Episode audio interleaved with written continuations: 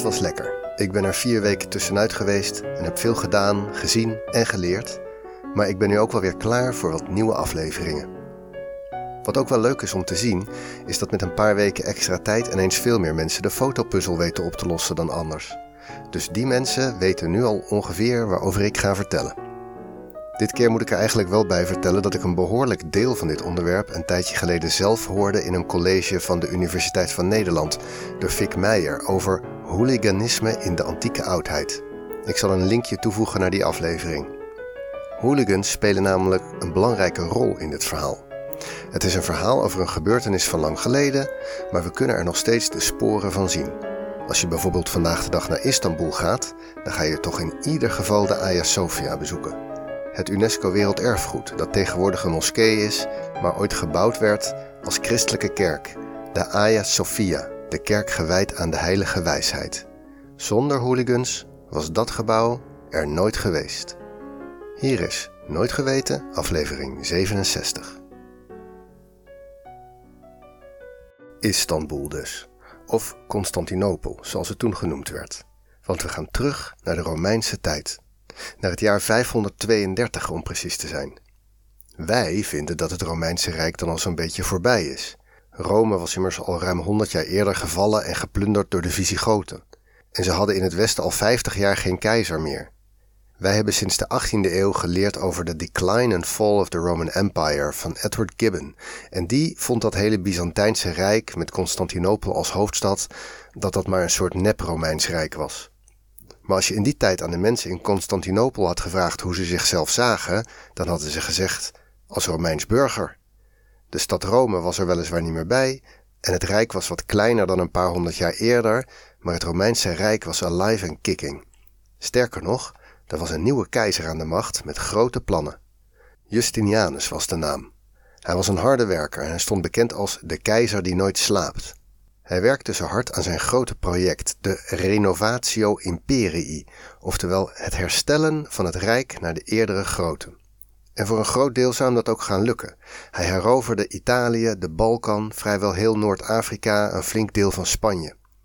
Ook liet hij het Romeinse recht uitschrijven naar één uniforme code.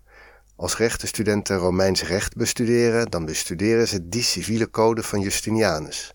Echt Romeins dus, maar niet uit Rome.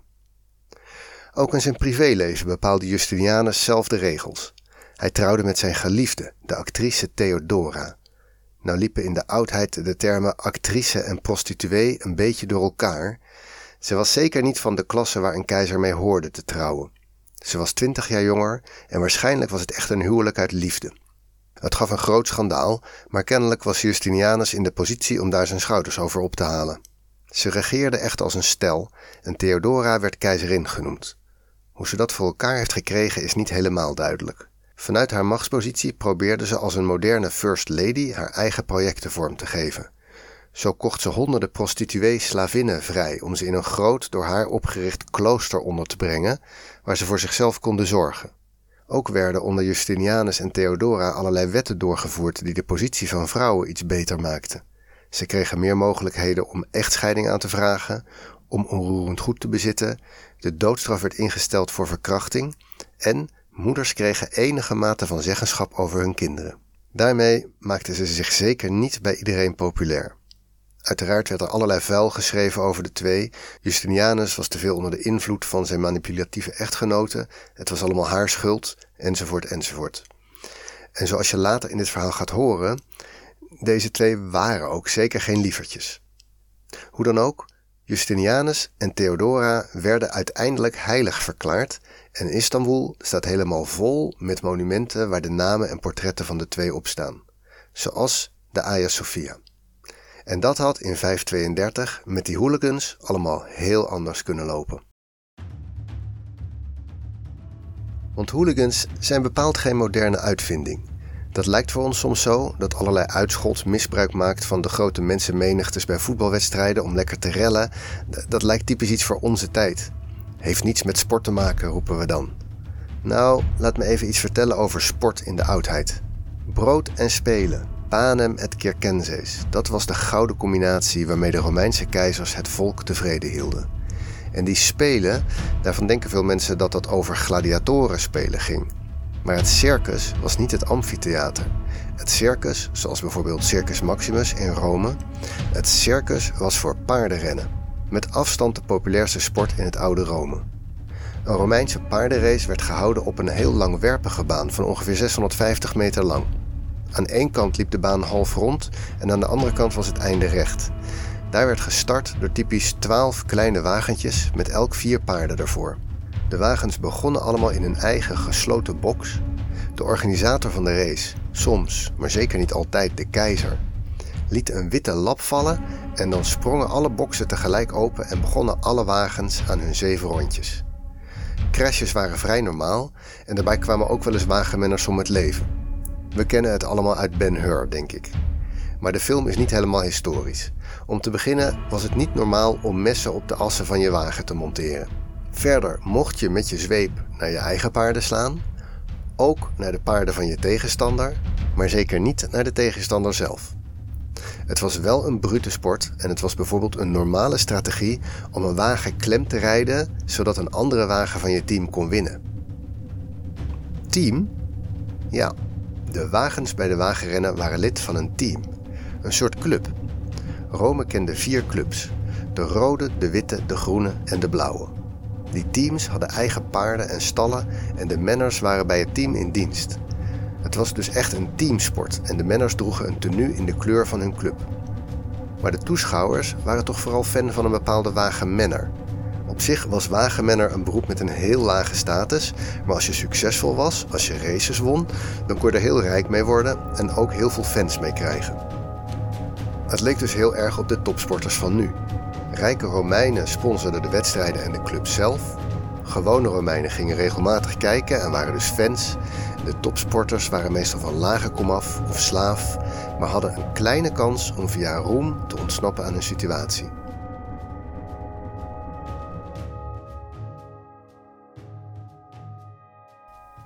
Dit was een groot ding in het leven in de grote stad.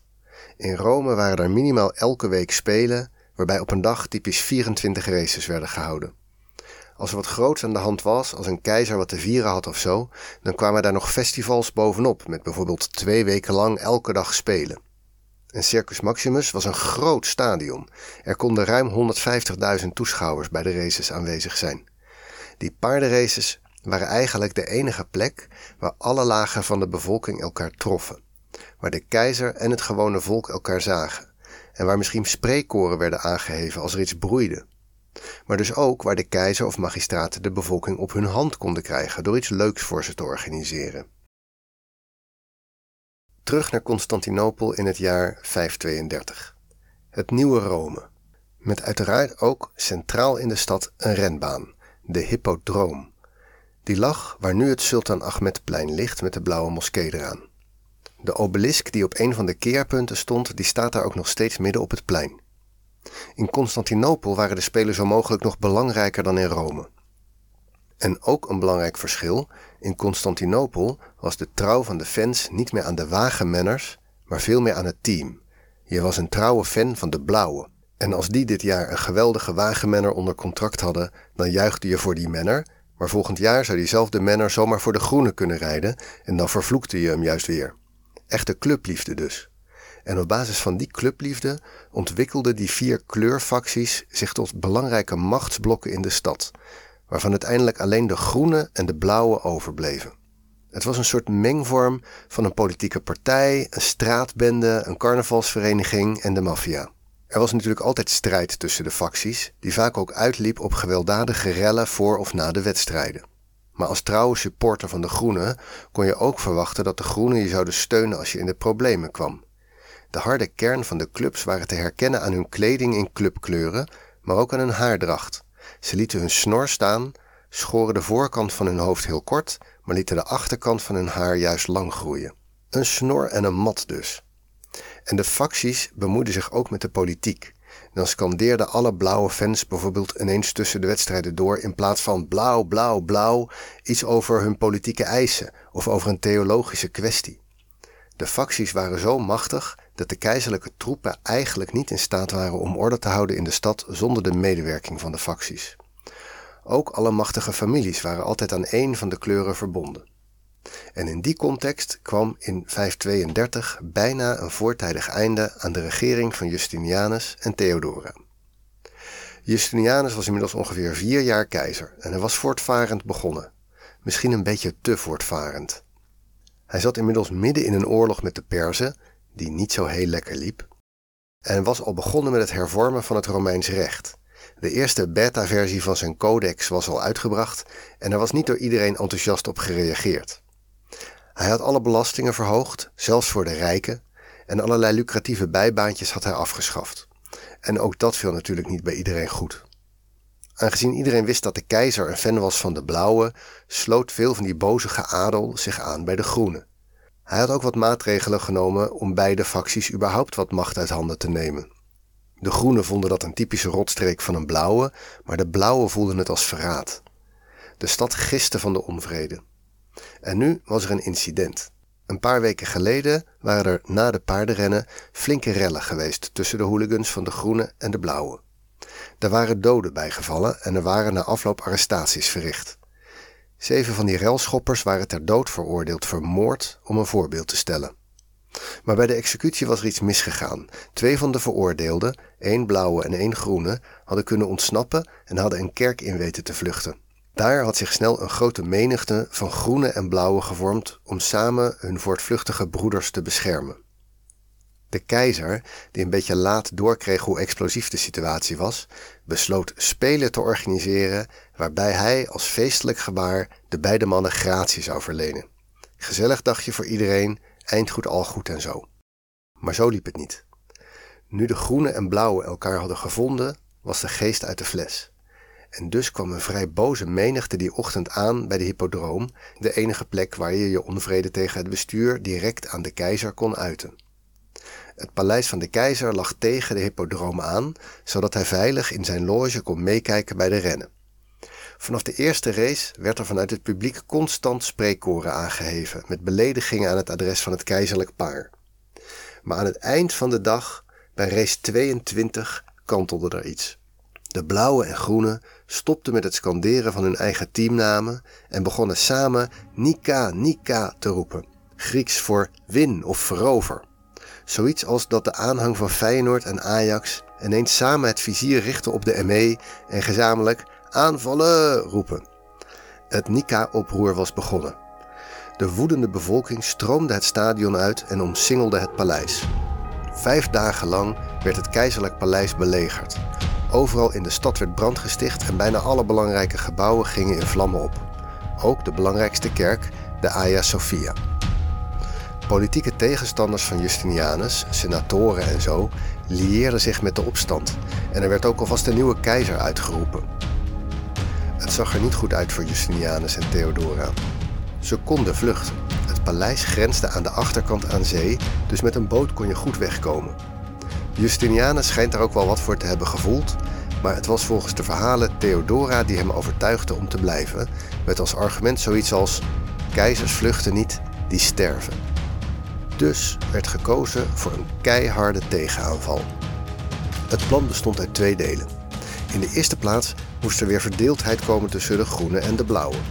Daarvoor stuurde hij zijn trouwe dienaar Narses met een enorme hoeveelheid smeergeld langs bij de leiders van de blauwe. Om ze te herinneren dat Justinianus toch ook een blauwe was en dat die nieuw uitgeroepen keizer een groene was. En dat ze er misschien beter aan deden om de volgende dag bij de kroningsplechtigheid van die nieuwe keizer halverwege weg te lopen. Het tweede deel van het plan draaide om een tweede trouwe dienaar, de briljante generaal Belisarius. Die kwam net op tijd met zijn troepen terug van de Perzische oorlogen. De volgende dag, toen de opstandelingen hun nieuwe keizer in het hippodroom feestelijk wilden kronen, liep, tot verbijstering van de groenen, ineens een groot deel van de blauwe het stadion uit. Vervolgens trok het leger van Belisarius naar binnen en doodde ongeveer iedereen die ze tegenkwamen. De verhalen hierover lopen in de bronnen nogal uiteen, maar het is duidelijk dat het een bloedbad is geweest met tienduizenden slachtoffers. Zover is het bij moderne supportersrellen gelukkig nog niet gekomen.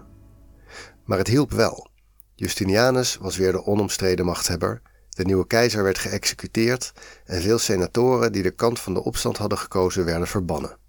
En uiteindelijk kwam het ook redelijk goed met Justinianus' projecten.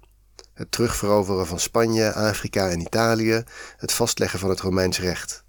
En natuurlijk, waar we hem nog het best van herinneren. Die hele binnenstad lag in puin. En dat gaf ook kansen. Op de plek van de afgebrande Hagia Sophia moest een nieuwe kathedraal komen. Eén die alle voorafgaande zou overtreffen. Die kerk, de huidige Hagia Sophia, zou nog eeuwenlang de grootste kerk ter wereld zijn en werd het rolmodel voor alle Byzantijnse architectuur. En kennelijk stond de medogeloze omgang met tegenstanders uiteindelijk ook niet in de weg om Justinianus en Theodora allebei heilig te verklaren. Dit was aflevering 67 van Nooit Geweten. Ik kwam op dit onderwerp via een aflevering van de Universiteit van Nederland. In de show notes vind je een aantal links naar artikelen over dit onderwerp en natuurlijk ook een link naar dat mini-college van Fik Meijer. Nooit Geweten wordt gemaakt door mijzelf, Teun Duinstee, en is een hommage aan Wikipedia. Ken je iemand die dit een leuk verhaal zou vinden? Stuur het dan door. Volgende week is er weer een aflevering en wie alvast wil weten waar die over gaat, kan proberen de Wikipedia fotopuzzel op te lossen. Ook die vind je in de show notes. Bedankt voor het luisteren en tot de volgende week.